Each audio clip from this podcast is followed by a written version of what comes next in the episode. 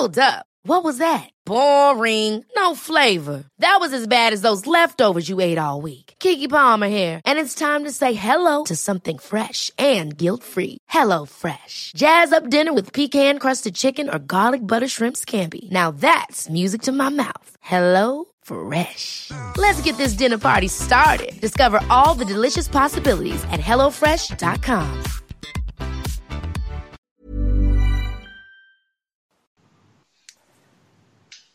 Hej och välkommen till ett nytt avsnitt av den här innebandypodden. Idag har jag med mig två ordförande.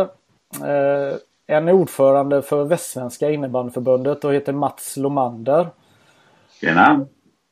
Och sen så har vi en eh, kille som eh, har spelat SSL på 90-talet och även den här säsongen som har varit noterad för någon match i division 1.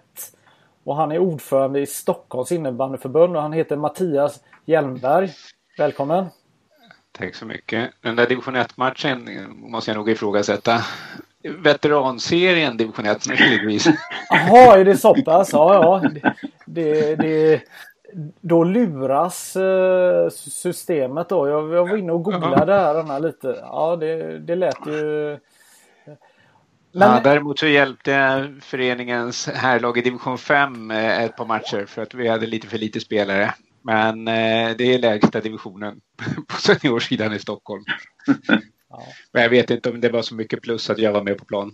Nej, nej. Mats, du då? Du uh, fuskar också med lite innebandy, eller hur, hur, ser det ut? Ja, men jag, jag kör motion. Jag gillar uh, den här back to basic, komma tillbaka till småboll, småhallarna tre och tre, tre mot tre i eh, ett gubbagäng på måndagar. Ja. Ja. Hälften går därifrån med lite halvskadade och sträckta, lite gubbvader och så vidare. Men det, det, det är värt eh, två dagars eh, krämpor sen. Ja. Vad jag tänkte eh, att folk ska lära känna är lite här. Mats, du som är äldst av oss tre här. Du kan väl börja berätta lite vad, vad du har haft för dig i innebandylivet hittills? Hittills, innebandylivet skulle jag säga började i gymnasiet 1980. När vi, eh, Lerums gymnasium, där nu den nya Lerums arena står. Eh, och eh, då fick vi, vi hade en, en eh, gymnastiklärare där, så hette det på den tiden, eh, som lät oss spela innebandy i tre år. Jag hade någon gång som det var redskapsgymnastik, men annars så var vi redan klara då igång. Hon, hon såg på det. Karin Chanong hette hon, den gymnastikläraren. Så hon var faktiskt på något sätt en grund till eh, där vi körde igång med den klassen. Eh, och 1984 eh, så, eh, så startade vi hösten, september startade vi eh, det som idag är ett Lerum efter ett antal eh, sammanslagningar.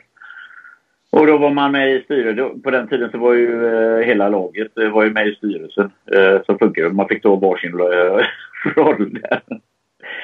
Och sen så höll vi på i Lerum och sen har jag haft alla möjliga roller där. Den har jag inte varit någon gång, det är kassör. Eh, men... Eh, och spelat själv och tränat både herr och damlag, tränat ungdomslag och eh, sedermera eh, eh, vice ordförande i klubben nu sysslar med eh, försäljning och marknad och, och eventansvarig. Och sen så 2018, eh, om vi gör det snabbt här, så tillfrågades jag om att bli eh, ordförande i, i det nybildade Västsvenska då, efter Göteborg och Bohuslän. Dal som slogs ihop efter att Steven, eh, Steven Selin skulle avgå efter 16 års eh, bort arbete. Mm. Så är det och eh, under de här två åren eh, då som jag kamperat ihop med eh, Mattias så, så har det varit två stycken lite udda säsonger skulle jag vilja säga. Första var konfliktsäsongen där vi blev inblandade. Som jag alltid brukar säga att det var faktiskt en rätt... För mig som var ny så var det en eh, på ett sätt positiv grej för annars hade jag aldrig haft den goda kontakten som jag har med bland annat Mattias idag. För vi, eh, vi bondade ihop där. Eh, alla distrikt och lärde känna varandra på ett annat sätt. I alla fall för min del. Annars hade det nog gått ett år från det när jag blev invald till att jag varit med på den första ordförandekonferensen. Och sen så hade vi detta året också som har blivit rumphugget och konstigt. Så att vi hoppas väl att vi går in i ett nytt eh, spännande och hyfsat eh, normalt år. Mm. Ja, vad, eh, man får ju några funderingar. Vad, vad, räckte, vad fick du för betyg? Tänker, man, tänker väl alla lyssnare. Jag hade faktiskt femma i djupa och det är ju helt otroligt. och, då, och då var det... och gillade mig. Ja men vad fan, jag har ju bidragit till idrotten kan man ju se det bakåt så. Ja. Att, eh, det tycker jag. Ja. Men... Ehm, ja. Och, jag älskar ju Ja. Att det, det, är, ja. det är ju fantastiskt roligt. Och jag har en uh, dotter, jag har tre stycken döttrar. En som är 30, en som är 27 och en som är 12. Och Maja spelar i vårt eh, 07-lag. Men sambo Frida är ledare där. Jag är uh, publik där. Ja. Och försöker se om det där halvklimatet som vi driver i, i Västsvenska så att man inte har några dönikar som sitter på läktaren som inte riktigt har förstått det hela. Ja, just det. Bidra på det sättet. Ja. Vad Sa du att du vann eh, skytteligan i högsta distriktsserien i Göteborg? Det sa du aldrig va? Eller? Nej, nej. Jag, var, jag var ödmjuk där. Ja, det var.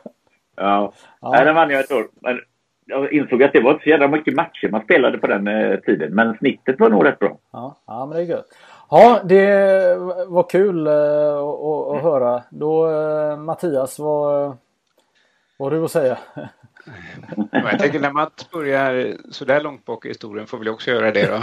Eh, jag tänker att skälet till att jag sitter här kanske handlar om en eh, granne där jag växte upp i Järfälla norr om Stockholm som drev igenom att man skulle göra om en, en del av parkeringsplatsen, äh, platserna där jag bodde, till eh, som en idrottsyta. Så de satte upp basketkorgar och så byggde vi egna mål. De var gjorda i träplank och ja, eh, fick tag i det på, på en bygge där i närheten och så satte de upp sådana här, ni vet, staket runt omkring. Så lirade vi där på asfalten. Det gjorde jag nog nästan varje dag efter skolan. Från när jag gick i kanske tvåan eller något sånt där. Och då sådana på, på, med sådana där påskruvade blad eller? Ja, ja, ja absolut. Ja. Men först, om, jag kommer ihåg om jag köpte den på fritidsgården, då kostade ett blad fem spänn. När, när den slets ner på asfalten. Eh, och de var ju jämfört med dagens klubbor så vägde de ju bly på den tiden.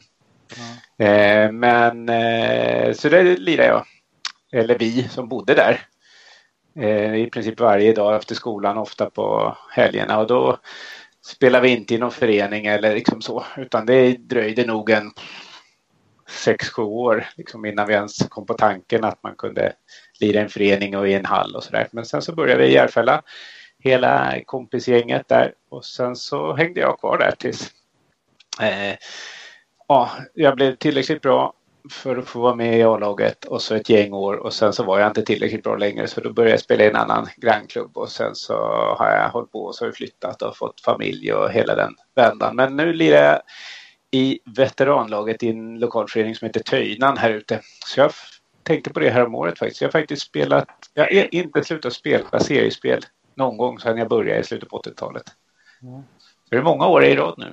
Det är coolt. Ja, det är imponerande. Jag, jag kollade din statistik eh, del här, men så 1987 så, så är det tidigaste året som du finns med ja. i, i, eh, i, systemet då. Och, och eh, det är imponerande. Jag, eh, inför det här programmet så surrade jag lite med er här och mm pratade med, med Mats bland annat om eh, en dokumentär som jag hade sett med Mats Villander. Och just det här passionen att eh, att eh, vilja spela tennis då i det här fallet då. Och det, det, det, är så härligt att höra från en före detta världsetta att idag när han är 100 år så, så tycker han att den här timman han får spela tennis är väldigt viktig fortfarande i hans liv. Och, och eh, här sitter jag nu och pratar med er då som är ordförande i två av de största distrikten i, i Sverige och i världen då. Och ni fortfarande brinner för innebandy som spelare också. Mm. Ja, men det är ju så. Det är ju jäkligt roligt helt enkelt. Dessutom är vi ju nästan hundra år. Åtminstone om man lägger ihop oss. Definitivt. Ja. Nej, men, men vad, det är ju en eh, styrka att man också är med. Jag menar som eh, Mats, du sitter eh, i, spiker på A-lagets matcher och du rör dig i hallen och samma sak nu Mattias när du, när du spelar så ser man och hör och man blir ju en mer närvarande ordförande kan jag tänka mig. Eller vad, hur känner ni? Ja, men det tror jag. Det är klart det är en styrka. Man förstår ju det på ett annat sätt. Jag brukar säga att det finns inga... Alltså den känslan, oavsett om man spelar med gubbarna på måndagarna. Eh, att göra den här goa tunneln och få bli förbannad. Och det, det är bara där i det, eh, i det forumet som man kan bli eh, det. Och likaså när man tittar på en ungdomsmatch. Ett mål görs när det är fem sekunder kvar och de vinner matchen och sånt. Det är ju en fantastisk känsla som skapas i eh, kroppen.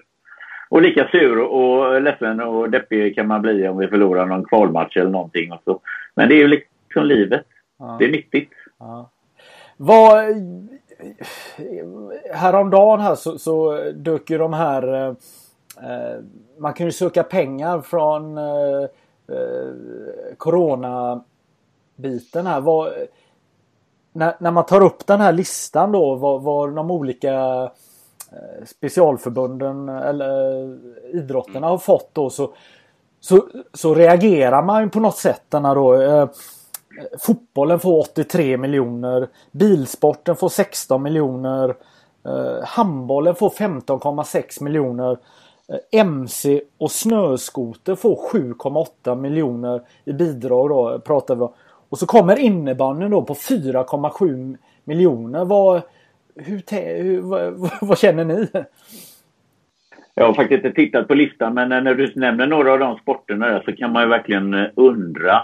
Ehm, ja, det, det är väl eh, rätt så tydligt att, att vi har lite att göra för det där blir på något sätt en måttstock till vad vi står i, i publicitet. Och pre, eh, pressnärvaro och så vidare. Ja, jag tänker att det kan, eh, en måttstock på hur mycket publik vi har. Ja. Tänker jag. Alltså, om jag kommer ihåg rätt så har väl Speedway, de är väl tre, topp, alltså trea i publikligan i Sverige. Mm. Eh, de snittar väl på någonstans mellan 3 och 4 tusen för mig att jag sett liksom någon lista mm. någonstans. Mm. Och det gör ju inte innebandyn. Så är det ju. Nej. Eh, så där är en del. Men när det gäller just coronadelen och så, så för oss i Stockholms innebandyförbund i alla fall så gjorde ju det liksom plus på sista raden. Vi var ju tvungna att ställa in ett antal evenemang som bara var liksom kostnader för oss som vi kunde mm. spara in. Mm. Så vi sökte i alla fall inga pengar för vi hade inga, inga minskade eller ökade kostnader eller man ska säga utan vi gick ju snarare plus. Så vi hade ju förmånen att vi gjorde så bra resultat så vi rabatterar ju eh, alla föreningarnas serieavgift till nästa år. Ja, eh, ja 10 procent eller vad? 10 procent, ja. precis. Mm. Men så det beror säkert på väldigt många olika saker. Mm. Men jag tänker ja. att på din fråga så håller jag med Mats. Eller jag tänker att det är på många sätt är det en publikfråga. Mm. Ja.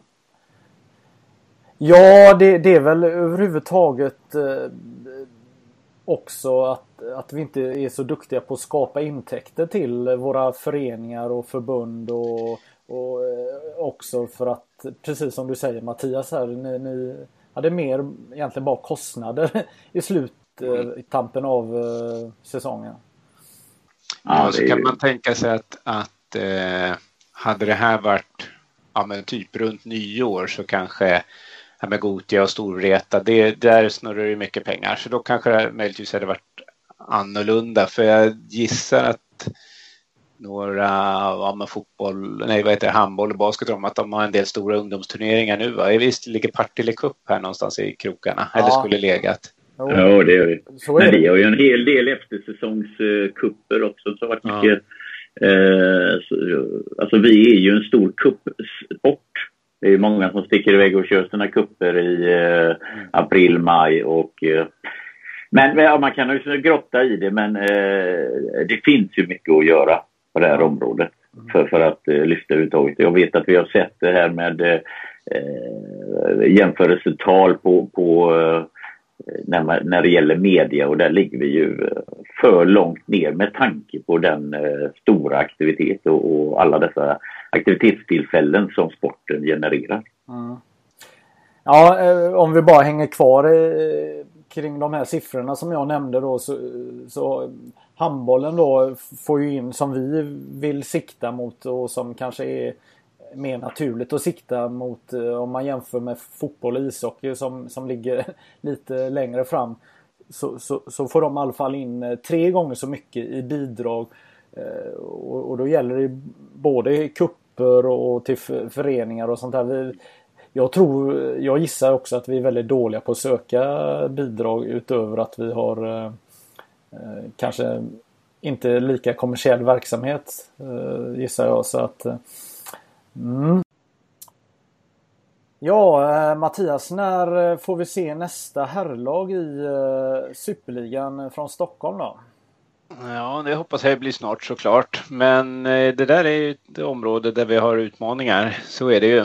Eh, inte som i fornstora dagar där det nästan kryllade av Stockholmslag ett tag i högsta ligan. Men eh, där har vi gått kräftgång eh, i några år. Vi lät faktiskt göra en utredning kring det där för, ja vad är det nu då, vi startade den kanske för två år sedan. Det blev klar för ett år, ett år tillbaka. Eh, det var en kille som heter Anders Wahlström som är ja, utvecklingsansvarig på Svenska ishockeyförbundet nu som har gjort den där åt oss. Eh, utvecklingsmiljöer i världsklass. Han jämför han Stockholm med några av de andra starka eh, orterna och lagen och kommer fram till några spännande slutsatser som vi behöver jobba med. Där vi skiljer oss från övriga landet. Ja. Eh, ska jag berätta några om... Eh, ja. Det tycker jag är jätte... det var en cliffhanger där. Ja. Eh, men vi kan se på, på tjejsidan så är vi ju starka, så är det ju. Ja. Med Täby och Nacka. Men det som skiljer sig tydligt är att vi behöver... Vi har, lite, vi har svagare organisationer kring de elitlag som finns i Stockholm jämfört med, med flera av andra toppklubbarna så, så, att säga. Våra ungdomar tränar mindre, färre träningstider. Eh, vi har färre sociala ytor runt klubben, det vill säga att man, man vistas liksom inte i nära hallen när man inte tränar kan man säga. Man har inga gemensamma ytor, vilket mm. Anders då tror eh, påverkar eh, även det här på utfallet på elitsidan liksom över tid. Och sen kanske, inte det viktigaste, men en påtaglig sak är ju att på här sidan så finns det ingen given liksom, första klubb eller toppklubb som, som eh, har rollen av att liksom vara bäst i stan och eh, i den klubben som ska eh, mm. ligga i elit. Och där finns det då, blir det då kan man säga en intern konkurrens på ungefär samma nivå. Och sen så ser vi också utmaningar kring eh, NIU RIG-systemet där vi upplever att det är en, ett gäng ungdomar som varje år lämnar liksom Stockholm och kanske inte kommer tillbaka. Eh, så kort var det han pekade på i alla fall i den här rapporten. Så det har vi försökt börja jobba med, men då måste vi ju verkligen jobba med tillsammans med föreningarna. Det är ju inget som distriktet kan göra utan det här måste ju, de här mm. frågorna äger ju föreningarna i första hand. Det är många frågor som är rätt så långsiktiga också, tänker jag. Verkligen. Och det är väl det han pekar på. Han skriver ganska mycket om det här behovet av stabila, starka organisationer. Mm. Eh, det blir hela föreningsutvecklingsdelen. Liksom så. så det är ju långsiktiga frågor. Mm. Ja. Vad, vad, vad är det de menar i detalj? Jag menar eh, anställd personal? Eh, är det är det kommitté, alltså vad, vilka delar tror du att Ja, jag, jag, tänker att det är alla de där delarna. Anställd personal, hur organisationen är strukturerad, mängden ideellt arbetande, liksom runt själva föreningskärnan. Eh, hur ja, men hur, långsi- hur länge man är med i sina respektive roller och så. Så det, det blir som ett paket runt det där hur man bygger en, en stark organisation över tid. Där eh, har vi nog en del att lära och utveckla. Ja, jag känner ju att eh, du som har Järfälla som din modersklubb och eh, där fanns ju det under en eh, väldig massa år eh, runt Jakobsbergs idrottshall ja. och, och även skolan var involverad och är väl involverad fortfarande. Men där hade man exempelvis någonting eller hur, hur känner du?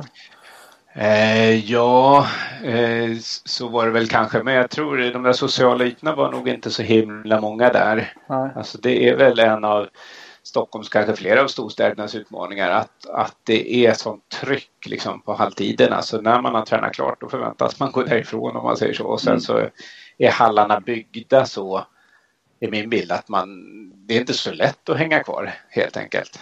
Det Nej. finns inte så många ytor där man kan, där man kan vara. Eh, men det fanns nog en ganska stark organisation runt Järfälla på den tiden. Alltså det, andra där. Mm. Eh, men och sen så tänker jag också att vi behöver rannsaka oss själva lite med, med att inte bara säga att det inte finns halvtider och träna tre gånger i veckan. Utan men då får vi väl träna fyra eller fem gånger i veckan men ha alternativ träning flera gånger eh, än vad vi har idag. Ja. Eh, Mats, när vi pratar Göteborgsområdet så finns det väl ingen, ingen som inte vet om vem, vilken klubb som är nummer ett i, i vårat område här. Vad, hur ser du vi på var ju, ja, Vi var, hade ju här gick ut uh, min första säsong då vi hade fyra stycken lag helt plötsligt med uh, Lindhults, Pixbo, Pixbo och Göteborg. Uh, och det höll ju ett år. Sen så är vi, då är det Pixbos herr och damlag Eh, som är där högst upp och, och nu har vi ett gäng eh, damlag i eh, Allsvenskan och vi har två stycken i uh, herrallsvenskan. Så att det är... Jag tror att också man, eh, jag tror att man kan likna en del av det som Mattias säger. Vi har inte gjort en sån analys men här finns det ju en, en första klubb. Jag skulle säga att tvärtom så kanske det är lite våra, våra, våran utmaning. Att Pixbo är så totaldominant. de är etta, tvåa och trea och sen så kommer några lag eh, därefter. De har byggt upp den organisationen och vi skulle vilja dra nytta av det. Lite alla Frölunda på hockeysidan. Alltså att de, de behöver vi behöver hjälpas åt där tillsammans eh, och jobba förbund och, och eh, Pixbo i detta fallet eh, för att få de andra till att växa och skapa det publikintresset. För det, det är ju ingen hemlighet att Pixbo som första klubb har ju alltså inte tillräckligt mycket publik för att attrahera och få dem eh, eh det mediautrymmet som, som man skulle behöva ha. Jag har slått mig här under uh, coronatiden när det inte finns någon sport att prata om egentligen då de försöker hitta på lite nya artiklar i tidningen. och då dissekverar man ju i stort sett eh, handboll, fot uh, handboll eh, fotboll och hockey och vad som händer med försäsonger och allting innan man skrivs ingenting om. Så vi måste, eh, alltså vi började lite i den ändan och vi måste försöka att skapa oss det utrymmet och eh, bli mer attraktiva och in, inte, inte bara gnälla över att de inte skriver om andra. Alltså någon, någonting ligger ju bakom att vi får 0,9 procent av pengarna. Alltså det är en slutsats av den allmänna eh, bilden av innebandy och ändå så attraherar vi så otroligt mycket. Vi är fortfarande den största inomhussporten, mig veterligen. Mm. Jag tycker det är tufft, det är det. Men eh, det är intressant eh, de slutsatserna Mattias som ni har gjort där. Jag tror de kan likställas i andra orter. Mm. Också så, större städer. Vi har ju de här gigantiska utmaningarna när det gäller uppmärksamheten både i, i Stockholmsområdet och i storstäder som runt Göteborg då att, att vi får inget utrymme överhuvudtaget. Det, det, det, det är sådana otroliga kontraster. Jag menar, ja. är ett lag på väg att spela upp sig i SSL på herrsidan så, så, blir det kanske en, en, en artikel och sen blir det en artikel där det står att de har gått upp i högsta serien. Eh, ja. jag, jag som har följt innebandy under många år har, har ju sett hur det kan vara på andra orter. Jag minns exempelvis, nu är det ju flera år sedan, ja det är upp mot tio år sedan, men när, när Granlo eh, från eh, Sundsvall gick upp. Jag menar det, det var ju första sidan, hela första sidan och sen var det de fem första sidorna i sportbilagan där allt gick igenom om den här fantastiska mm. uppflyttningen och, och vad som komma skall med sponsorer och ditten och datten. Och sen när man kom till till eh, sportredaktionen där i Sundsvall så kunde de ju sin hockey och fotboll utan till men de kunde ju också sin innebandy på sina fem fingrar. De kunde ju de var ju superexperter på, på eh, innebandy eh, på sportredaktionen på, på lokaltidningen där och, och, och, och då får man ju en sån man får ju en annan eh, yta att jobba med för att eh, som, som företagare på orten så vet du om att, att eh, jobbar du tillsammans med innebandylaget på orten så, så, så, syns du och hörs du och finns. Och mm. Här är vi idag då eh, med innebandyn att det är jäkligt tufft för oss. Mm. Jag tänker mig utifrån ett Stockholmsperspektiv så håller jag med helt. Liksom. Där blir ju, dels så blir ju våra lokaltidningar är ju, eller betraktar sig själv som riksmedia med Dagens Nyheter och Svenska Dagbladet, Aftonbladet och Expressen. Mm. Eh, och jag tänker att vi delar de utmaningarna med basketen och, och handbollen liksom i Stockholm. Det är enormt mycket fotboll och hockey. Eh, så då blir det de. Alternativet för oss är väl snarare nästan de här lokala gratistidningarna som heter Mitt i och Vi i heter de här uppe. Eh, och det är ju i så fall den som blir den liksom första plattformen där det ändå finns ett fäste. Men det är ju något annat än större media, så är det ju. Där har vi definitivt en resa att göra. Men sen så tänker jag också så här eh, som dinosaurier det här gänget. Så, men av våra, den stora mängden där vi har våra licensierade spelare. Hur många av dem läser en dagstidning? Företagsledarna läser om att... Företagsledarna gör ju det va, men ja. eh, det är ju de andra som, eh, vad heter det, vill, eh, det är ju de som kommer. Det är ju de som är de blivande företagsledarna. Mm. Så att säga. Ja, så, så är det. Så jag, jag, tror man behöver tänka där och det syns väl kanske i sociala medier och sånt. Eh, på alla håll och kanter men eh, ja. Nej, det finns eh, att göra där. Ja. Vad då, flest spelare har vi väl i nioårsåldern eller hur, hur ser det ut i Stockholm och Göteborg? 11-12 tror jag vi har. Mm. Ja, vi har nio. Nio är vår topp och det är ju eländigt att vi inte klarar av att hålla dem längre. Mm. Hur, hur gör vi? ja. För att vända på det? Ja. Nej men vi tänker ju att det är, vi har ju som av fyra områden som förbundet försöker jobba med i flera år och fortsätter. Och det ena är ju anläggningar som är ett problem i, i Stockholm. Eh, mängden anläggningar och där jobbar vi tillsammans med, med de andra lagbollidrotterna och några idrotter till. Vi är nio idrotter som jobbar tillsammans.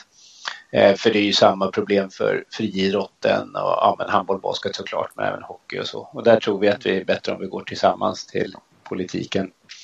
Eh, sen så föreningsutveckling som vi har pratat om Eh, det här med elit, att vi inte har tillräckligt bra elitklubbar på här sidan. Men det är klart att vi behöver bra, bra och starka föreningar även på barn och ungdomssidan. Så det mm. tror vi är nyckel. Eh, sen så har vi det Mats var inne på, hela värdegrundsområdet där hallklimatet är ju en sån fråga. Eh, och sen så har vi lagt ganska mycket tid de senaste åren på att utveckla vårt seriespel eller tävlingsspel utifrån SIE-modellen så att man hittar sin nivå så det är liksom kul att fortsätta. Eh, så det är senaste nu som vi har beslutat är ju att ha nivåanpassade anmälan ända upp till och med svart nivå, alltså till och med juniornivå. Så att man inte man, spel, man spelar inga sträckmatcher kan man säga i slutet av säsongen för vad som kommer hända nästa säsong. Utan man får eh, tillsammans med vårt kansli då göra en bedömning av i vilken serie är det lämpligt att det här HJ-laget eller DJ-laget spelar. Var får man jämnast motstånd någonstans? Så vi försöker pröva oss fram där för att hitta, hitta vägar och få fler att stanna längre. Men, eh, ja, men det är en tuff fråga. Där behöver vi absolut bli bättre. Mm. Jag tror att alltså alla börjar ju tidigare nu än vad man vill backa 15-20 år. Så, så börjar man ju mycket tidigare att spela och det är mer aktiviteter. Eh, jag tittar bara på min eh, Maja här som är 12 år. Hon har ju spelat mer innebandy nu under sina sex år än vad jag gjorde under hela min eh, karriär nästan. Mm.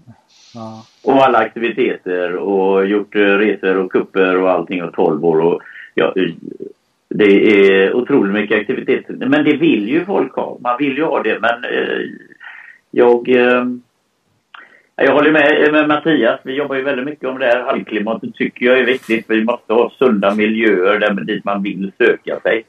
Stärka våra föreningar till att ha utbildade ledare för att ta hand om dem. För varför slutar man? Jag, alltså, vi måste ju definitivt rädda de som eh, slutar på grund av att man behandlas, eh, inte behandlas på ett bra sätt eller eh, inte får någon utveckling och så vidare. Det är ju oerhört viktigt. Om man, om man slutar för att man ett allmänintresse, det kan vi inte göra utan där lever vi ju med en konkurrens med massa andra grejer. Eh, inte bara idrotter utan alla andra saker eh, i samhället. Eh, eh halvfrågan naturligtvis. Eh, när man har gjort en tre, fyra år på eh, skittider så kanske föräldrarna tycker att det är lite segt och, och även barnen att sticka iväg. Jag vet inte. Det finns massa sådana saker. Men eh, jag tycker samtidigt att man ska eh, kanske inte stirra sig blind på eh, det där att eh, när, när, topparna är. För jag tänker på längden på ens karriär.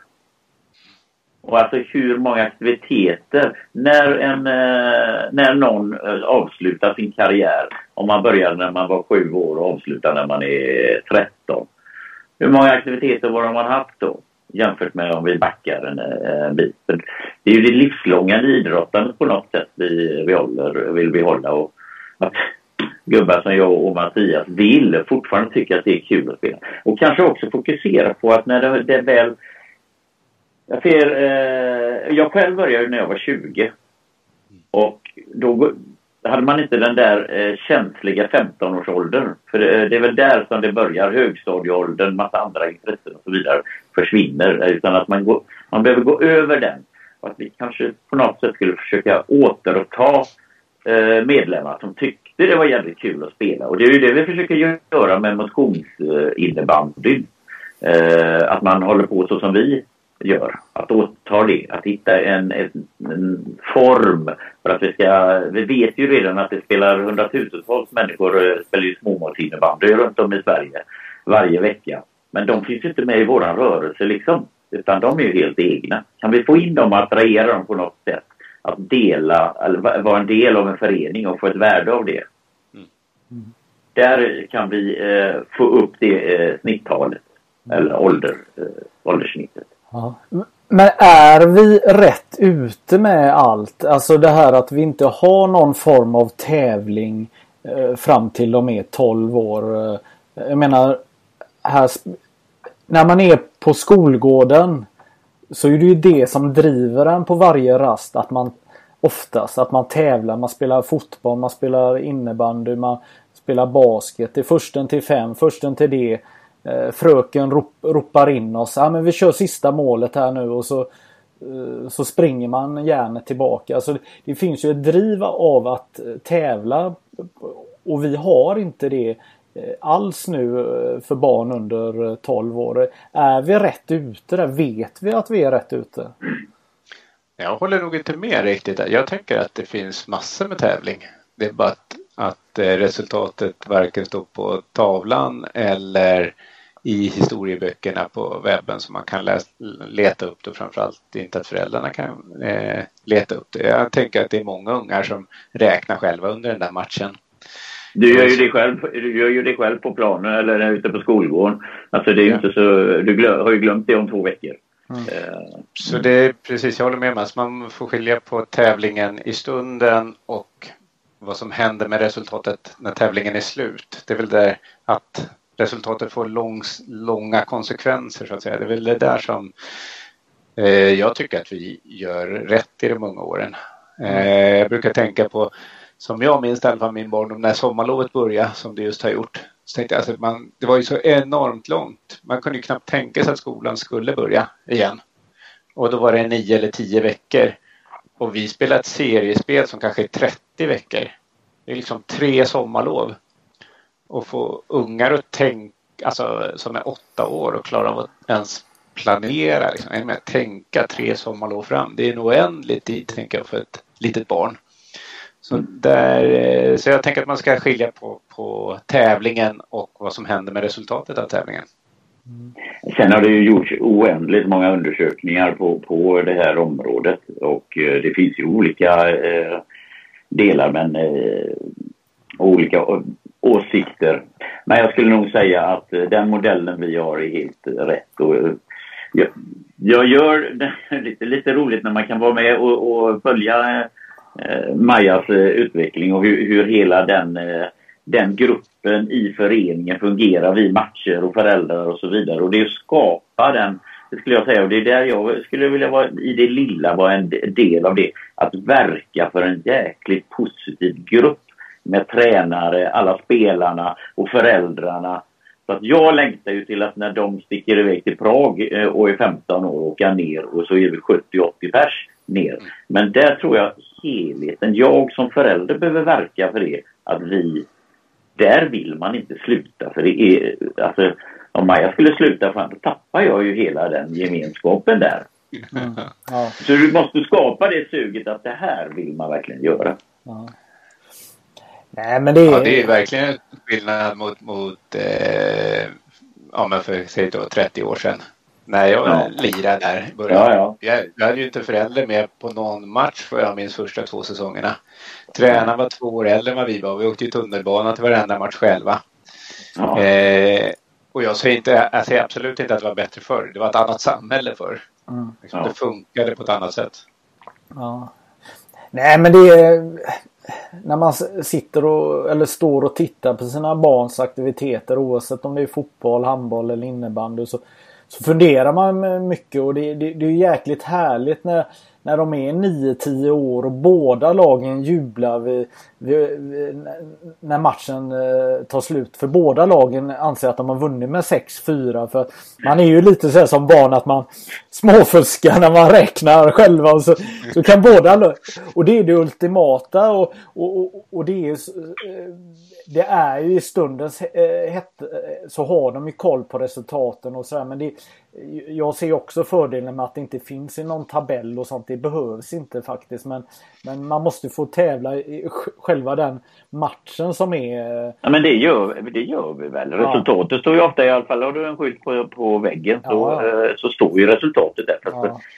Tabellen räknas inte ihop. Nej, men i, gr i grunden så är ju ändå vi i innebandyn har ju inte samma problem exempelvis som i fotbollen. Jag hade min son Rasmus här för tio dagar sedan som spelade en träningsmatch. Och, och det ena laget som de mötte, jag, var, jag blev en sån här videofilmarkille då som stod och streamade eftersom det inte får vara några att titta på matcherna. Och jag, jag, stängde faktiskt av kameran och sa till motståndarlagets coach att varför får inte han Pelle hoppa in och spela nu? Nu har han eh, suttit hela första halvlek och halva andra halvlek och bara få spela en minut och sådär. Då var det så viktigt för den här ledaren att, att de höll jämna steg med vårat lag. Så han vill inte sätta in den här killen som man faktiskt kunde kanske ana att han är nog inte lika bra som de andra. Och det är ju skönt att vi ofta, vi har ju inte den, det problemet i innebandy som kanske fotbollen har när man drömmer om Champions League kanske lite hårdare och, och, och miljonerna som ska trilla in på sina barn. Ja, så tänker jag att det handlar om eh, hur man bygger en kultur helt enkelt. Mm. Att det finns en kultur. Man får ta bara ett sånt där anekdotiskt exempel. Min dotter tränar gymnastik sån här artistisk gymnastik heter det, sånt där man ska på OS. Eh, och en av tjejerna hon tränar med, eh, hon är 14 nu. Eh, det här är ett par år sedan, så en av tjejerna hon tränar med, hon simmar mycket också. Och i den här gymnastiken så tränar man, eller tävlar man två gånger per termin. Alltså fyra gånger per år så är det tävling. Och då är de väl aktiva. Ja, nu när de har varit aktiva under den där tävlingen så, så presterar de, om man får säga så, kanske sammanlagt fyra minuter så man kan säga att man liksom 16 minuters prestation inför domare eller publik eller man ska säga på, på 12 månader. Och så den här tjejen då som också simmar och de hade ju simtävlingar, inte varje helg men det var liksom oftare var simtävlingar. Så frågade jag henne en gång, så, men du, vad tänker du, skulle du vilja tävla mer i gympan? Så, Nej, det är bra som det är. Ja, men med simningen då? Eh, nej, men det är bra som det är där också. För, så, för henne var det liksom, hon kom till kultur och bara accepterade att det var så och inte ja. liksom reflekterade så mycket om det var bra eller dåligt åt det ena eller andra hållet utan hon formades i den kulturen som fanns. Mm. Och det tänker jag att där är ju de vuxna som bestämmer vilken kultur det ska vara. Mm. Och det behöver ju våra ledare jobba med. Hur ser man på matchen, liksom, på resultatet, ja. på tävlingen? Ja, men är vi inte hycklare all, allihopa? Någonstans så är det ju roligt att vinna eh, en, en sportaktivitet. Alltså eh, oavsett om du kör med grannarna och man kör eh, vad, vilken gren som är. Så är det ändå Det är ju det som driver en ändå att man ska försöka pricka i mitten eller vad det nu är. Eller vad... Ja men det får de, det får de ju ändå. De vinner ju ja. kanske matchen, det vet de ju. Det blir 4-1 liksom. Ja. Och det vet de ju om och så blir de glada för det och den andra laget de tackar varandra och, och här är det viktigt att bygga att det, bägge lagen respekterar vi. Alltså vi är ju inte felfria innebandy. Jag hör ju vissa eh, avarter och beteenden i vår sport också. Mm. Naturligtvis. Men jag, det känns som att vi är medvetna om det och vill försöka skapa aktiviteter för att eliminera det här. Ja. Ja, så tänker jag, jag håller med Mats helt och vi har ju såklart många som inte sköter sig som de ska. Men jag tänker att poängen är ju att det är barnen som ska uppleva den där eh, drivet och viljan att vinna. Det är ju inte den vuxna som, som tävlar. Den vuxna är ju bara en ledare som ska se till att barnen har, har en schysst miljö att prestera i. Mm. Och om den vuxna liksom klarar av att se att det här är inte min tävling utan det är barnens tävling. Då har man ett annat förhållningssätt tror jag till det som mm. sker på planen. Mm. Och där är nog den, den stora, stora utmaningen. Jag, har en så kul eh, anekdot också. Jag vet, en bekant, eh, vars eh, kille, han är väl 04-05 och han är extremt tävlingsinriktad och ville vinna. Och spelade en match och han kämpade sig något fruktansvärt och så förlorade de när det var en minut kvar eller någonting. Och, men han gick och tappade, eh, tackade allihopa, borrade ner huvudet, var, sa inga dumma grejer. Och sen så sprang han ut över sargen och fullständigt föll ihop i pappans eh, famn där. Men jag såg på det att han hade blivit uppfostrad på ett schysst sätt. Du spelar, kämpar allt, tackar för matchen, går därifrån, ut från plan, inga kasta klubbar eller någonting utan då fick han släppa lite på, på, på det hela för han tyckte det var så fruktansvärt jobbigt. Men han agerade sunt på planen liksom och gjorde allt. Hackade inte på sina motståndare eller någonting och hade extremt vinnande tid. Ja, det, är, ja, det är härligt. Vad, ehm, byter spår här. Hur, mm. hur blir man ordförande i ett eh, innebandyförbund? Berätta nu. Vad, hur går det till? Eh, jag har ju varit ordförande i tre år och eh, för min del var det så enkelt att valberedningen ringde och frågade någon eller jag har fått återberättat för mig att det var två olika som hade tipsat om mig till valberedningen och då tyckte de det var värt att ringa och fråga och så pratade vi ett par gånger och hade något möte och så tackade jag ja. Ja, ja det var ungefär samma hos mig. Jag skulle då skulle jag vilja framhålla, jag vet inte hur det var just i Stockholm, men just valberedningsarbetet är ju någonting som vi har vurmat för väldigt mycket som en viktig del i vår verksamhet. Och vi, du vet i, eh, Magnus, i, eh, i Västsvenska så hade vi en övning när Kristina Landgren fick prata om det. Vi pratar ju valberedning i eh, idrottslivet. Eh, men eh, jag ser ju som headhunters. Det är ju jävligt roligt att bli uppringd eh, av en headhunter i privata näringslivet. Eh, men vi pratar valberedning.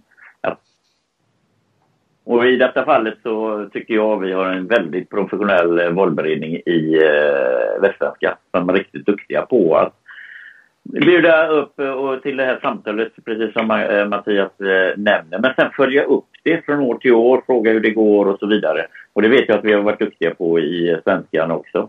Eh, och har en jäkligt kompetent eh, styrelse idag. Och det är det som jag tror, alltså om vi nu ska gå till eh, pudelns kärna här, att få in bra valberedningar som attraherar rätt folk i våra styrelser som kan driva oss. Och vi börjar verkligen i basen, plattformen, för att få in rätt människor som kan driva folk, eh, vår sport åt det hållet som vi vill. Ja.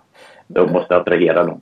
Men ni båda har ju djup eh, kunskap när ni får den här rollen. Alltså ni, i grunden så har ni varit runt i alla sporthallar i distriktet. Ni har spelat matcher. Ni har, ni har träffat folk, eh, blivit vänner med folk, eh, kanske ovän med någon.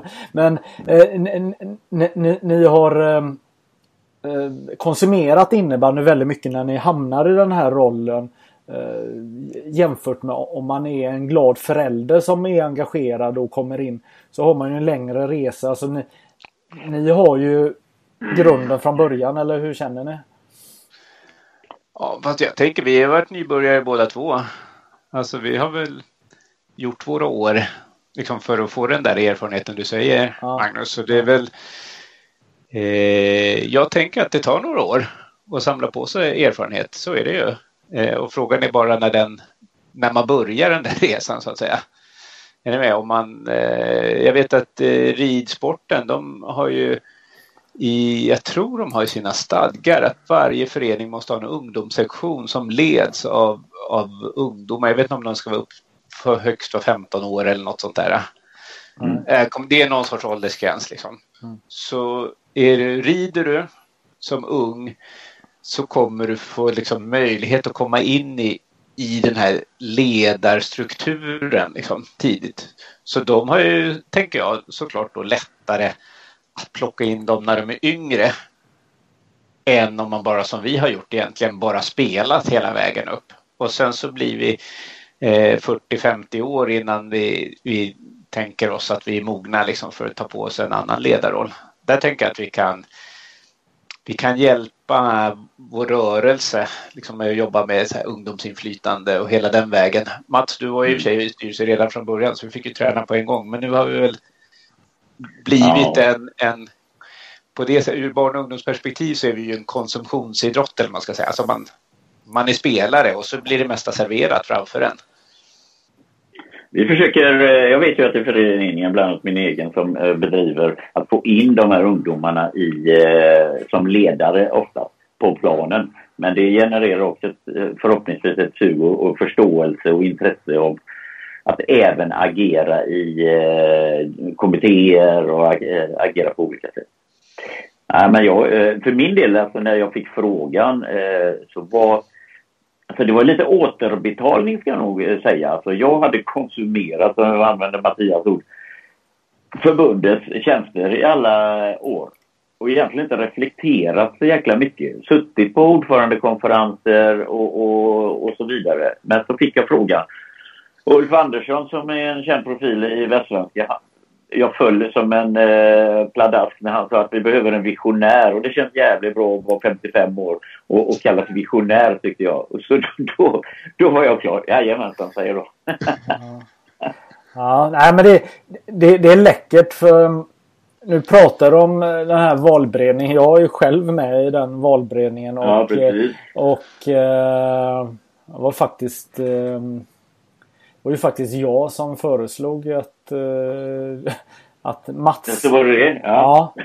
Det visste jag inte. Nej, men det var det. Och uh, Märit som är ordförande i Svenska, ja. hon är också med i, i valberedningen. Och hon sa ju direkt, nej, nej, nej, Mats, nej, han är inte intresserad. och, jag, och jag sa så här, nej men Mats han, eh, det är en god gubbe. Det, han, det, han hade varit perfekt. Och, och sen så kom vi fram till, ja, det, Mats är vår man här. Han, han ska vi ha. Och eh, du var ju inte så svår. Nej, jag var... Nej men, men, det, men det, är, det, är intre, det är intressant för att eh, som i valberedningen då, då är vi några stycken som har jättemycket erfarenhet och så försöker man eh, fundera och tänka och, och det är jättesvårt att hitta folk till en, ett distriktsförbund. Det, det är mycket enklare att hitta en person eh, Även om det är jättesvårt också till en förening för då är man närmare kanske sina barn eller den verksamheten man håller på med. Men ett förbund är ju ett par steg till och man är ju ganska långt ifrån eh, sitt egna barns eh, verksamhet eller sitt egna spelande. Så, så, så det krävs ju eh, en hel del för att man faktiskt ska lyckas i sitt arbete och, och faktiskt kunna sälja in det också varför man ska ta eh, en viss typ av roll. Eh, så, så att det, det är ju väldigt svårt också och sen svårt att finna inspirationen att som valberedningsmänniska orka engagera sig så mycket. Att, att, att genomföra. För det är ju en sak att tacka ja till ett uppdrag att man är med i valberedning. Mm. Så helt, och, och, då är det som det här sommarlovet som du eh, berättade Mattias att det är så långt fram till årsmötet. Det, det, är lugnt. Jag är med i valberedningen men helt plötsligt så börjar våren komma och då ska man vara på tårna och, och, och hitta det här som, som behövs. Så att, så att det, det, är ju tufft men jag håller med. Det är, väldigt, det är en väldigt viktig eh, roll i alla förbund och verksamheter, valberedningen. Jag skulle säga att, jag, jag tänker, eh, jag jobbar ju med försäljning inom eh, i det vanliga eh, livet som man tjänar pengar på. Och, men det finns ju två funktioner som vi pratar för jävla lite om i innebandy. Och vi har varit inne på den, marknad marknadsfrågor, varumärkesfrågor för att attrahera folk till vår sport och HR-frågor, för detta är ju en HR-fråga. I, i företagsliv, eller i det vanliga näringslivet så är ju rekrytering av rätt människor det viktigaste av allt. Men det negligerar vi lite. Vi, vi tänker, vi pratar valberedning. Jag tror inte heller vi vågar fråga.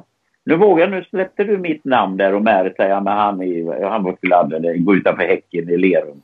Men man måste våga ställa den frågan. Och jag skulle säga att vi också har samma utmaning inne i, eh, i eh, föreningarna. För vi har en jäkla massa duktiga människor, ledare, nere i eh, de yngre åldrarna. Men vi vågar aldrig fråga dem. För att de ska ju vara med sina barn där naturligtvis. Karin Bistedt som sitter i eh, Västsvenska styrelse var extremt duktig i, eh, eller hade, var, var ledare i ett lag. Men vi ryckte henne till en eh, styrelseposition från sina, sina barn så att säga, för hon tyckte det var intressant att ta den positionen. Det vågar vi sällan göra. Och så just att, att äh, fråga på rätt sätt, för man måste ju attrahera folk på vad är du duktig Du kan tillföra någonting. Vi måste komma bort från det här att på marknadssidan, är du intresserad av att köpa en liten färgbit här? Eller frågan, skulle du kunna tänka dig att sitta i styrelsen? Vi saknar en. Alltså det är fel sätt att ställa frågan. Du måste attrahera folk och tala till vad de är duktiga på. Och så skulle jag vilja avsluta med att idag så, om jag backar, alltså i min tidiga idrottskarriär i 90-talet, så dolde jag eh, mitt innebandy eh, varje gång man åkte bil på väg till något annat möte. Drog några innebandysamtal och så vidare. Det pratade man aldrig om. Idag så är det en stor del av eh, hela mitt CV det är att jag är engagerad där. Jag bygger mina relationer på jobbet väldigt mycket på uh, idrotten. För det är otroligt mycket för, uh, företagsledare och beslutsfattare som sitter där ute. De, har, de är kids också, så de är engagerade i någonting. De som, är, de som har mest välfylld kalender, det är de man vill ha. De hittar hålen i kalendern. De som inte har ett skit i kalendern, de är inte rätt. Det var, eh, det var ord, kategoriskt. Ja. Nej, men jag håller med dig. Så är det. De som har eh, full kalender, det, det är de som hittar luckor. Ja, det klämmer vi in nästa fredag. Eh, där finns en halvtimme. Klockan nio på söndag morgon tar vi podden. Ja. Då är det en stund. Ja. Nej, men det är jäkligt intress intressant att, att prata om det här. Jag tänker så här Ehm, jag är eh, spelare, ordförande i en förening. Jag känner mig inte hörd eh, hela vägen eh, som föreningsmänniska i ett, i, till ett distriktsförbund. Vad, eh, vad kan vi göra bättre för de små och stora klubbarna, alltså som servicefunktion till innebandyn framöver? Ja, men det där, jag håller med. Och det där, eh, jag tror att Stockholmsföreningarna känner som du många, men vi har verkligen försökt ställa om framförallt kansliets arbete och det började innan jag började att, att se sig själva som en servicefunktion. Eh, man ska ge bra service till, till eh, våra föreningar. Det är en av våra viktigaste roller eh, i den, på kansliet, liksom, den anställda personalen. Såklart i styrelsen också, men det blir inte på varje dag på samma sätt. Eh, men sen så har vi ju som ett resultat av den där eh, elitstudien jag berättade om är att vi har försökt att jobba med ett annat arbetssätt i år där vi delar upp Stockholm i fyra zoner, norr, söder, öster, väster. Tidigare har vi bara jobbat antingen alla samtidigt eller ut till enskild förening. Så nu har vi försökt göra som fyra tårtbitar där vi samlar föreningarna och låter i första vändan föreningsordförandena träffa varandra för att prata för att skapa samarbete. Och en del känner ju varandra bra sedan tidigare, men långt ifrån alla. Det hänger ju ihop lite grann med en, hur gamla ens barn är. Liksom, då kanske man har träffats någon gång under uppväxten hit och dit. Eller så har man samarrangerar man någon kupp möjligtvis. Och då har man också nära eller delar en hall eller vad det nu kan vara. Eh, men eh, och så skapa ett forum där vi, de får scenen så mycket som möjligt och vi lyssnar istället för att ofta när vi samlas så blir det tvärtom. Att det är vi som sänder för ett antal mottagare. Och det är en början i alla fall. Förhoppningsvis så blir det bättre, att vi blir bättre på att lyssna och man känner att man har den där relationen lite närmre. Men det, det behöver vi jobba hårt med. För jag förstår och tänker att det är många som känner som det du beskriver. Mm. Ja, jag skulle vilja lägga till, alltså vi ska vara en serviceorganisation för det är våra kunder som är där ute. De betalar ju oss för att få en tjänst och så vidare. Vi måste vara, och precis som i eh, näringslivet så behöver du vara innovativ, pro, eh, proaktiv, hitta på nya grejer. Jag tror att det finns mycket att göra med digitaliseringen. Göra det ännu enklare. Då tror jag att vi som sport ligger rätt så långt framme. Men vi kan dra nytta av detta ännu mer. Du vet i Västsvenska så har vi ju tagit, eh, ska vi nästa år så ska man ju slippa hålla på och pilla med domaravgifterna. Utan det tar förbundet hand om. En sån riktigt skitjobb som eh, måste, någon måste göra som inte adderar någonting värde till eh, organisationen. Eh, kan vi hitta fler sådana saker? Men sen skulle jag vilja säga, och då tar jag an lite till vårat försnack lite Magnus, när jag frågar hur fan har du kommit in och gå på, för alla ser ju här att du älskar Kiss eh, bakom dig. Mm. Och jag undrar, frågar dig, hur fan kom du in på alla de här grejerna? Och vad sa du då? Jag måste prata med cheferna. Eller Ja. Och jag faktiskt väldigt sällan, jag vet inte hur det är med dig Mattias, men det är väldigt sällan någon bara lyfter luren och fram, tjena, du, jag har en tanke. Eller drar ett mejl till mig utan det ska då vara den eh, officiella svängen eh, in i eh, styrelsen via motioner och grejer. Slå en signal, dra ett mejl, sök upp en på chatten eller vad som helst. Och det är för sällan som jag får en kontakt den vägen när man tycker till om att det här tycker jag är lite fel. Hur skulle vi kunna göra det? Mm. Jag lovar dig, de gångerna det dyker upp så är jag rätt säker på att det kan dyka upp på nästa styrelsemöte och diskuteras. Ja. Det ska gälla att skapa relation. Ja men så, så är det. Eh, men nu, nu, sa jag att jag vill det här men om, om, att, att eh, jag vill ha service. Men om jag då ställer frågan till mig själv. Magnus, vad är det du eh, gnäller om? Vad, vad, vad, är det du vill ha då? Jag vet inte exakt vad jag vill ha men, men jag vill ha om jag är ordförande i en förening och, och, och, det börjar bli mm. vår så vill jag ha någonting som motiverar mig att jag ska fortsätta att dra mitt tunga last på mitt ställe.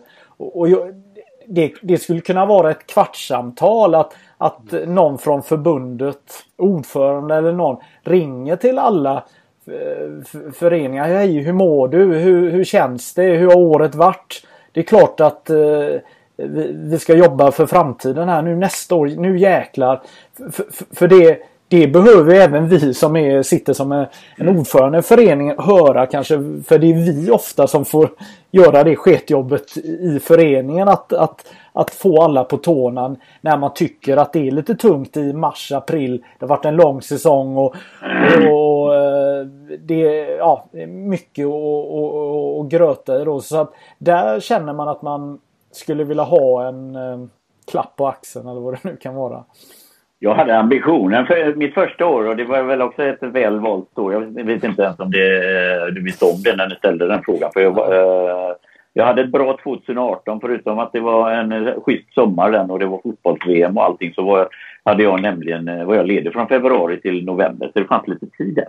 Så jag hade lite tid att vara ute och besöka några föreningar men dock alldeles för få. Ja. Och där är väl problemet att vi har en... Eh, alltså vi, vi gör ju detta ideellt, jag och Mattias, på, på fritiden, att få till det i, till vardags. Eh, att hinna och göra de där eh, nedslagen. Alltså, där kan man ju se det som, som ledare i vilken organisation som helst. Att hinna med och se alla med dess medarbetare. Och där tror jag man alltid kommer känna sig lite till korta. Att hinna med och ta de där samtalen. Så att, eh, men däremot eh, Ofta så kanske inte jag kommer ihåg, fan nu drar jag här, nu klämmer jag Magnus här i kärra här. Eh, samtalet är på fredag eftermiddag när man är klar med jobbsamtalen. Det blir liksom inte av på samma sätt, tyvärr. Nej, men jag håller med och jag tänker att det så, alltså i Stockholm, vi har ju över hundra föreningar så rent praktiskt så är det ju knivigt. Eh, och jag tror att de flesta ändå får ett bra stöd av vårt kansli. Liksom att det ja. är den naturliga första kontakten är att ringa till kansliet för de är där liksom på ja, vardag eller normal arbetstid. Det är ju inte säkert att jag kan, kan liksom svara i telefon mitt på dagen på samma sätt. Eh, men eh, sen tänker jag också att det, det är vår idé med den här zonindelningen är att jag tror att man, som du Magnus, vi kallar det för träffar för strategiska ledare, ser vi det som.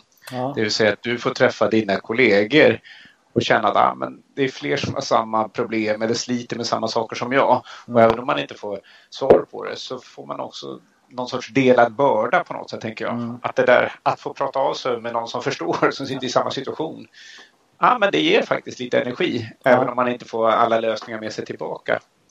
Sen ser min bild också att eh, vi gjorde faktiskt det Mats berättade inför den här säsongen med domararvodena. Det är nog det mest uppskattade beslutet vi har tagit på senaste mm. åren. Mm. Eh, och det handlar ju om att vår roll, tänker jag, det är att förenkla för föreningen, ja. eller föreningsordföranden, för ledaren. Mm. Och då är det där så här superkonkret. Vi behöver inte hantera eh, pengar till domaren vid, vid, varje match och kvitton hit och dit och ja, men kassören och ja, hur, hur det där ska redovisas och sådär. Mm. Och det finns säkert flera sådana grejer som vi kan förenkla, inte minst med digitalisering som säger Mats, hur, hur man gör det där, hur, man, hur jobbar man med matchprotokoll till exempel och sånt där. Här kan man förenkla det på olika sätt. Eh, men sen så tänker jag också att det handlar om att vi tar fram stöd så att det blir man har något att peka på eller luta sig mot när man som föreningsledare eller som ordförande måste, eller ledare måste ta lite tuffare beslut. Då är det skönt att ha något att luta sig mot. Vi har till exempel för i år tagit fram en värvningspolicy som eh, vi vill att man ska följa. Och då det, tänker jag som föreningsordförande så är det skönare att säga att nej men vi har skrivit under Stockholms värvningspolicy, den måste vi hålla oss till. Då måste vi agera på det här sättet. Istället för att det blir, är ni med, att det blir något sorts mm. individuellt tyckande. Så, och där tänker jag att distriktsförbundet har en funktion att ta fram de där stödgrejerna. Men då behöver vi hjälp att peka på. Liksom, vad är det som är, är kämpigt? Vad är det man skulle vilja ha något att luta sig mot? Mm. Och får vi den där signalen då är min bild att vi eh, absolut liksom försöker hitta någon sorts lösning eller underlag eller stöd eller man ska, hur man nu ska se det. Jag tror ju att eh, Alltså jag är inne på det här med digitaliseringen och nu har vi bara slängt in i det här under den här våren. Där allihopa har fått... Eh, vi, jag, jag och Mattias satt en ordförandekonferens igår med, eh, hur många var det med? 60 pers eller någonting va? Ja, kanske. Det fungerar alldeles utmärkt. Faktiskt. Det fungerar alldeles utmärkt. Folk fick sträcka upp handen, säga, kommentera och så vidare. Och eh, då slapp vi allihopa uppe i Stockholm så vi kunde gå ut direkt på terrassen. Jag satte mig på terrassen när jag inte kunde muta. Eh, och jag tror att det forumet, för du vet, vi kallar ju dig till klockan 19 oftast en tisdagkväll när du har någon annan träning eller så. Du dina kids som du ska fixa. Där vi istället kanske säger att vi kör det här mötet klockan 20.30. Det är max en timme och då kör vi det digitalt den här grejen. Både de Alltså, att blanda. I Västsvenska så kör vi nog varannat möte som ett teamsmöte. Och sen så att vi får eh, eh, även utbildningar den vägen. Komplettera. Naturligtvis inte ta bort det fysiska för det måste vi ändå ha hela tiden. Men vi, eh, vi känner ju varandra. Vi är ju rätt bekväma. Jag är i alla fall bekväm med det här för vi har ju träffat varandra. Så vi känner ju varandra till vardags. Liksom. Mm. Men det tror jag eh, kan bli en stor del. Och i nästa steg att du som i när du eh, Magnus din förening ska presentera någonting för era bortemot hundra ledare eller vad ni eh, är. Det är ju omöjligt att få allihopa till att åka till det andra mötet som ni har på onsdag klockan 19 som du också ska vara med på. Mm. Så kör du det, det digitalt eller du vill köra in en film eller det här forumet, podcasten. För nu kan folk sitta i bilen och lyssna på det här när de är på väg hem. För då finns det en liten lucka.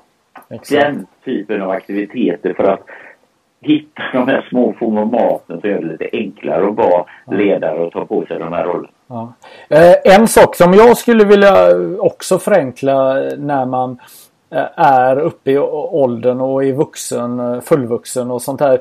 Vi, vi har ju ett problem inom innebandyn både i Göteborg och området och i Stockholm och på många ställen. Det är ju det här när vi spelar våra matcher. Vi, innebandy är ju en helgaktivitets Mm. Alltså kolla på de, många av de andra sporterna. Där spelar man kanske på onsdagskvällar och den här biten. Alltså jag känner som seniorspelare så är det enormt tufft att man ska vara uppbokad eh, vet det, under 35 eh, helger per år.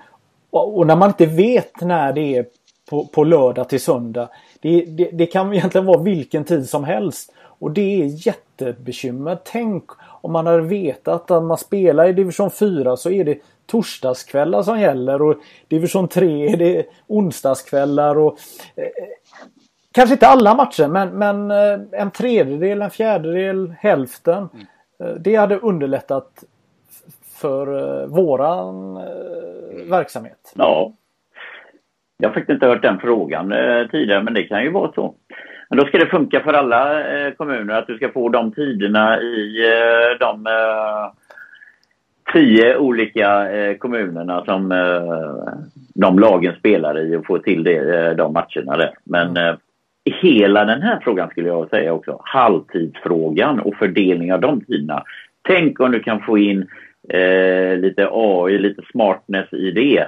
För här finns det extremt mycket historik att ta, ta hänsyn till och även eh, andra, andra data som man kan använda för att optimera det. För jag hävdar att eh, tider finns men vi utnyttjar det inte för att eh, tillräckligt mycket. Vi kan knäppa till det rätt så mycket. Och till exempel, här har du en annan sak. Det kanske är så att om eh, de där matcherna som eh, i eh, din division spelas på torsdagar, då kanske vi attraherar folk för folk vet om alla vet ju att eh, Premier League-matcherna spelas klockan fyra. Eh, och eh, allsvenskan de har säkert sina fasta tider. Hockeyn har det också. Mm. Eh, så man vet när matcher spelas. Ja. Det vet man inte riktigt lika mycket i eh, innebandy skulle jag nog säga. Ja. det är ju, problemet är ju där om, om du har barn och hela den här biten så ska deras mm. verksamhet gå före din egna.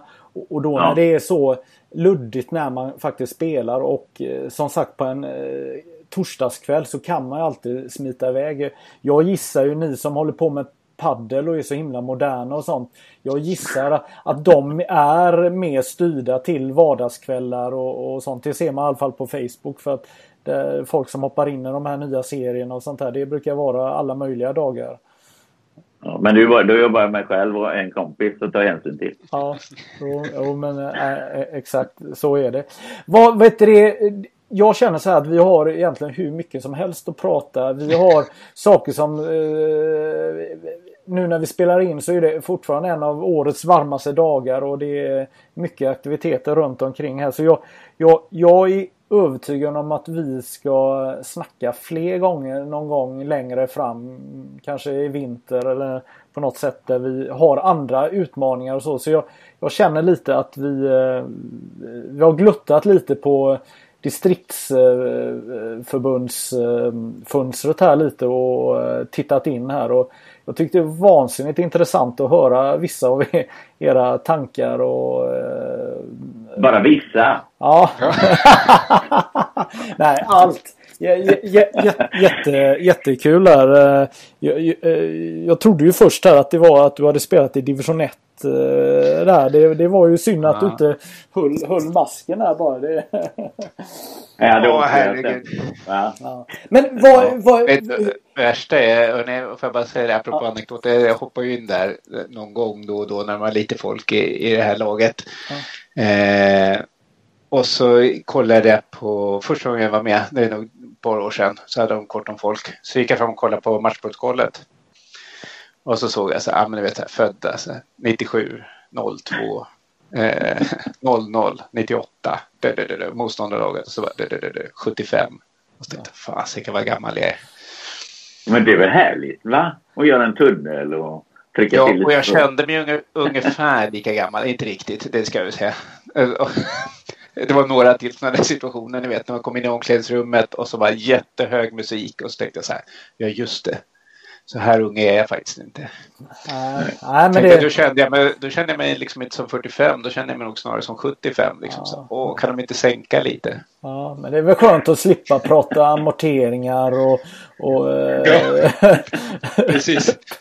prata hur, viktiga om saker. Barnens, om barnens skola är bra eller ja. inte. Det var inte riktigt det de snackade om kan jag säga. Nej, exakt. Nej, men det, det, det är läckert. Vad, eh, avslutningsvis, vad, vad händer nu i coronatiden nu i, i, i Stockholm? Och, och du kan ju prata västsvenska bara på ja. 20 sekunder. Alltså, vad, hur, hur, hur ser ni på vi är här nu i mitten av juni och sen så har vi en eh, höst som väntar. Vad, om vi börjar med Stockholm, vad, vad är vi? Eh, nej, men vi, gör, vi, vi, jo men vi, men kansliet framförallt har gjort kan man säga ett par scenarier hur man kan sköta eh, matchverksamheten och det är utmaningar eftersom det är brist på halvtider liksom, så måste vi tänka, tänka bra kring det där. Eh, men också stödja föreningarna så att de känner sig trygga i hur man spelar och det är vi ju redan inne i med, med träningsmatcher och sådär. Men också hur vi ska hantera utbildningsverksamheten som Mats pratade lite om. Liksom hur, hur ska vi ha, hantera den så att de som kommer till utbildningarna känner att det här är en trygg plats där jag kan känna att jag vill åka och vara för jag vet att man har liksom koll på läget. Det är nog eh, mest det vi, den fasen vi är inne i nu. Att ge instruktioner, stöd så att verksamheten känns trygg. Ja, vi är ju samma scenario som vi eh, målar upp. Om vi kör igång i november först med eh, matchspel. Eh, hur, hur, kommer det se ut då? Resten kommer vi förlänga säsongen eller så vidare. Nu är jag väl positiv så jag tror väl att är väl en fördel vi har då i vår sport att vi inte har så jävla mycket publik utan det är ju föräldrar och sånt. Eh, så att vi, eh, vi kanske inte drabbas på samma sätt då. Eh, det är hemskt att säga men jag tror att vi kommer igång i vanlig tid och får spela våra matcher. Om det är med eller utan publik, det är en annan sak. Sen tycker jag att då kan man ju nämna, då har vi en digitalisering med Svensk innebandys nya app där alla i varje hall kan filma alla de matcherna direkt på plats om du har någon utsänd så som du gjorde Magnus, som du nämnde på den här fotbollsmatchen. Det finns ju liksom en hel plattform för det och börja göra det direkt nästa säsong. Ja. Eh, det tror jag. Och, eh, jag, jag, jag, hoppas att vi kommer igång på eh, ett eh, normalt sätt i eh, höst. Det är i alla fall eh, att få spela. Ja. Eh, hoppas jag verkligen. Sen försäsongen kommer kanske bli lite annorlunda då. Ni, bara snabbt, eh, ni västsvenskar kommer ju ha en eh, sommarserie här. Ja, den hade jag ju hoppats att det skulle vara fan så mycket fler eh, intresserade. Men jag tror att det kanske, eftersom den, eh, jag hörde någon kommentar att eh, man har liksom planerat upp, det här kom ut nu då eh, så pass sent, så de har planerat upp sin försäsong. Mm. Och, och, med träningsmatcher och sånt. Men eh, jag tror ju definitivt att det är en framtid men då kommer vi in på anläggningar, inte hallar, men att vi ändå ska ha planer någonstans. Ja. Det, ska, det ska bli dyrt liksom, men det hade varit skitkul att få igång en sån alternativ eh, eh, säsong. Mm, absolut. Vad bra! Eh, då tackar jag M, M och M här. Vi börjar ja. Eh, det är strålande. Det var jättekul och eh, så ser vi till att ha en jäkla skön sommar här och så är vi taggade inför hösten här. Ha det gött! Ja, det är bra. Tack bra. så mycket. Ja, tack. Ever catch yourself eating the same flavorless dinner three days in a row? Dreaming of something better? Well, Hello Fresh is your guilt-free dream come true, baby. It's me, Gigi Palmer. Let's wake up those taste buds with hot, juicy pecan-crusted chicken or garlic butter shrimp scampi. Mm. Hello Fresh. Stop dreaming of all the delicious possibilities and dig in at HelloFresh.com. Let's get this dinner party started.